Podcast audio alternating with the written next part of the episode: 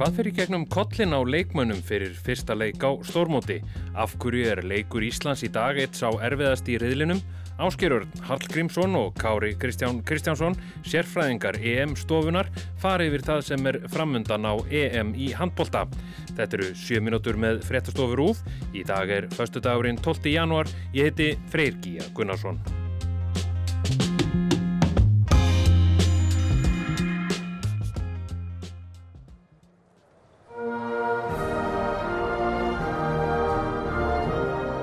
Þið þekkið að báðir að, að spila með landsliði Íslands í handbólta á stórmóti. Uh, hvernig er leikmönnum innanbrjóst þegar að þjóðsengurinn fer að hljóma í fyrsta leiknum? Ég held að það sé svona kannski bara svona stór hluta því að, að, að menn eru klárir að mæta aftur og aftur í verkefnin. Það er, ég lýsi eiginlega þannig að það fá allir landslismenn svona, heitna, svona vírus eða veiki og það verður bara að þú vilt alltaf færa aftur í, í, í landslistreina og þetta er alveg reysa hluti af því. Það er stoltið. Ásker? Já, bara mjög sammála. Bara, veist, þetta er eitthvað að þú er búin að undirbúaði mjög vel, aðdrandin er oft svona svolítið langur, mikil eftirvending svo ertu búin að hita upp og þú ert einhvern veginn kósveittur í gallanum einhvern veginn og finnur svona fyrir samkendinni hjá strákunum, veist, þetta er alveg sérstætt sko. og, og sérstaklega þessi mót sem hafa verið það sem er mikið að, þú veist, íslenskum áhörundum eitthvað og þú bara allt í hennu finnur bara í höllinni bara, þú veist, það er allir að syngja með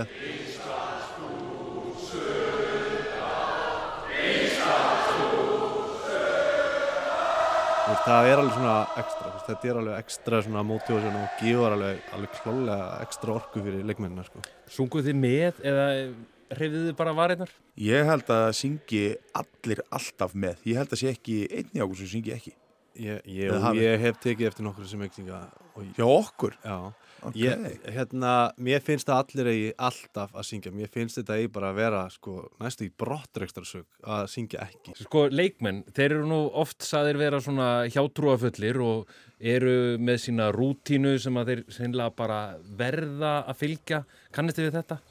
Automatist, svona, ekkit endilega alltaf, veist, jú, ef þú ert að spila í sömu höllinni á svona þrá leiki eitthvað, þá held þá fannst mér rosa gott að geta leita bara farið alltaf á sama snagan svona gert þetta eins, þetta var ekkert eitthvað þannig að það voru alltaf í mínus hjá mér ef það gerist ekki en svona automatíst bara leita maður svona í sömu hlutina mér fannst það mjög þægilegt svo svona þegar þjóðsöngurinn, veist, þá þurfti ég að hafa Arnur hann að við liðna mér og þá vissi ég að allt var klárt sko. Já, var það ekki söngduðin þrestir? voru þið ekki hérna alltaf saman?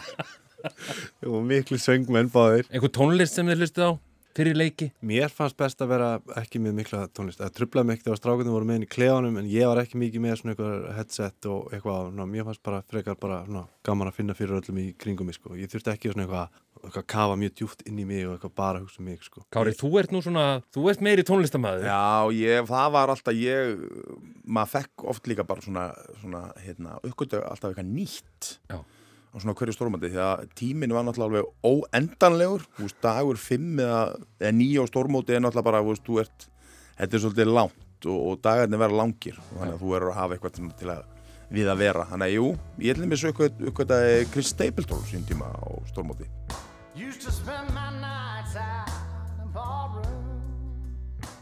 Sko, fyrsti leikurinn er gegn Serbi í dag.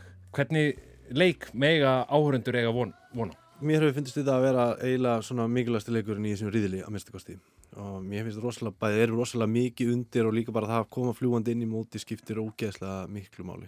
Þetta var lang besta lið fannst mér í þriða styrkleikaflokki sem við fengum mm.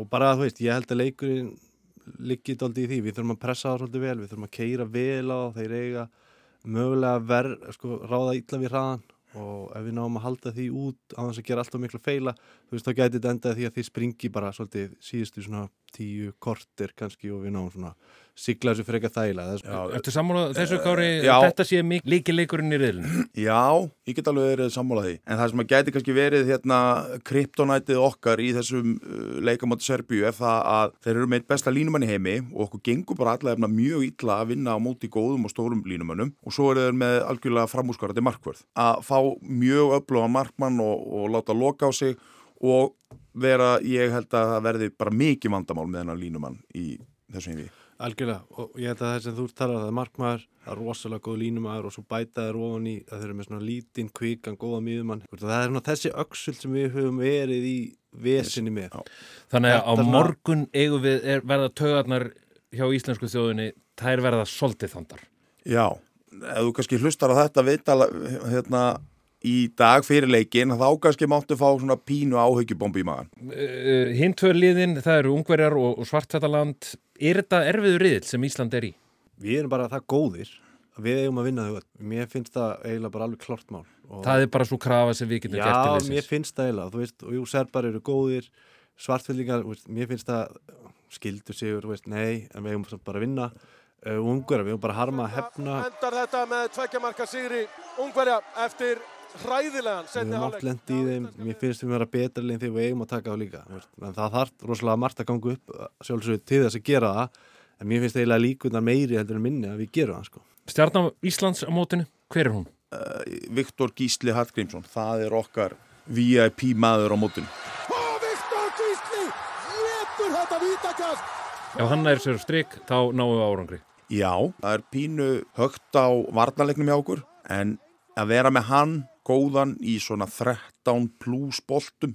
Ef að segja 33 til 8 bróstum í mótinu það myndi fleita okkur helvíti langt. Áskeir?